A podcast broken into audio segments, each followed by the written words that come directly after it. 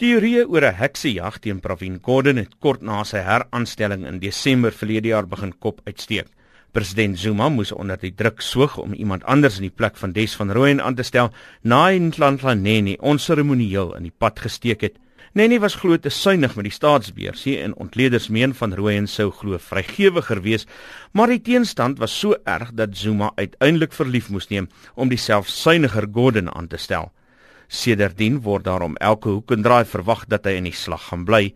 Gister se gebeure het die vermoedens bevestig, sê Leon Schreiber aan Princeton Universiteit. Dit lyk al hoe meer asof die nasionale vervolgingsgesag eenvoudig desperaat was om iets te kry waarmee hulle vir Gordon kon teiken. Die groot vraag is of Zuma van hom ontslaag gaan raak voordat hy op die 2 November in die hof verskyn en of hy nog in sy posisie gaan wees teen daai tyd. En dan indien Gordon nog die minister van finansies is teen die 2 November wanneer hy in die hof verskyn, sal die volgende vraag dan wees: hoe gaan die hofsaak uitspeel en die tipe spektakel wat dit dan gaan meebring? Volgens Piet Kroukamp, 'n onafhanklike ontleder, moet die oorsprong hiervan in die verdeeldheid binne die ANC gesoek word. Jy moet onthou die, die verskille wat nou in die ANC gaan gaan nie oor beleidsverskille nie. Dit gaan nie of die land swak bestuur of goed bestuur word nie.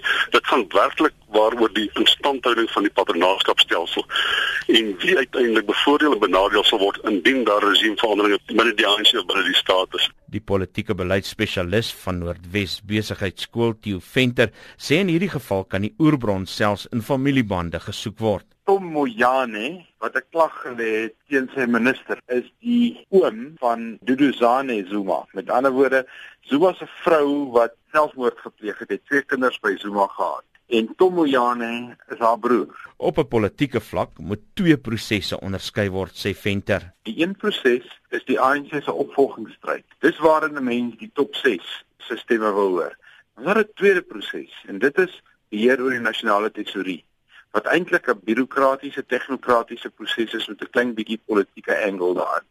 Die twee goed overlap nou want die individue wat daarin rolle speel speel in al twee hierdie prosesse speel 'n rol. Ons moet uit mekaar uithaal en duidelik sê dat Pravin Gordhan dinge te doen met wie beheer die nasionale tesourie. Maar beheer oor die nasionale tesourie is ook 'n onderdeel van die groter opvolgingsstryd. Die politieke ontleder Ina Gous aan Noordwes Universiteit se Valdrio kampus sê dit is waarom die top 6 van die ANC selfs in die stadium niks sal sê nie. As die meeste vertroue in die top 6 is nie baie groot en ons een of twee wat bereid is om hulle nag uit te steek nou en dan.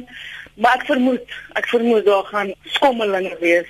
Intussen meen regskenners dat die aanklagte nie veel om die lyf het nie. Die grondwetkenner Pierre de Vos sê daar is twee goed wat hom opgeval het van gister se persverklaring deur Shaun Abrams. Die eerste een is dat die hoof van die vervolgingsgesag vir die die eerste helfte van die aankondiging gepraat het en eintlik die ministers van allerlei dinge beskuldig het waarvan hy nie aangekla word. Tweedens lyk dit asof klagte van bedrog wat teen die minister gelê word nie baie maklik in die hof suksesvol gaan wees nie.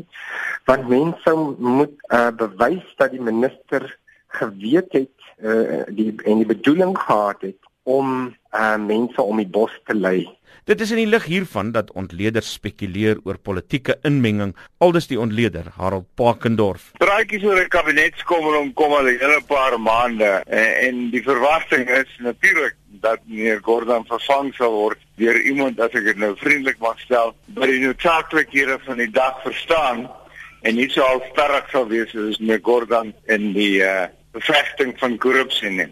Maar is dit moontlik om die Suid-Afrikaanse regstelsel vir politieke doeleindes te manipuleer? Die prokureur Ulrich Roo meen so. Dis algemeen in ons reg dat wanneer jy 'n dagvaarding uitreik vir 'n persoon om in 'n strafhof te verskyn, dan moet jou ondersoek voltooi wees. Jy weet jy moet reg wees om op verhoor gaan sodat jy die klagtes kan bewys teen die beskuldigde. Jy weet daardie tipe van goed uh, laat ons almal net skep net daai twyfel op 'n besluit geneem is sonder enige politieke inmenging. Intussen wag die land gespanne om te hoor of die appelhof verlof aan president Zuma gaan toestaan om te appeleer teen die 783 aanklagte waarop hy tereg moet staan.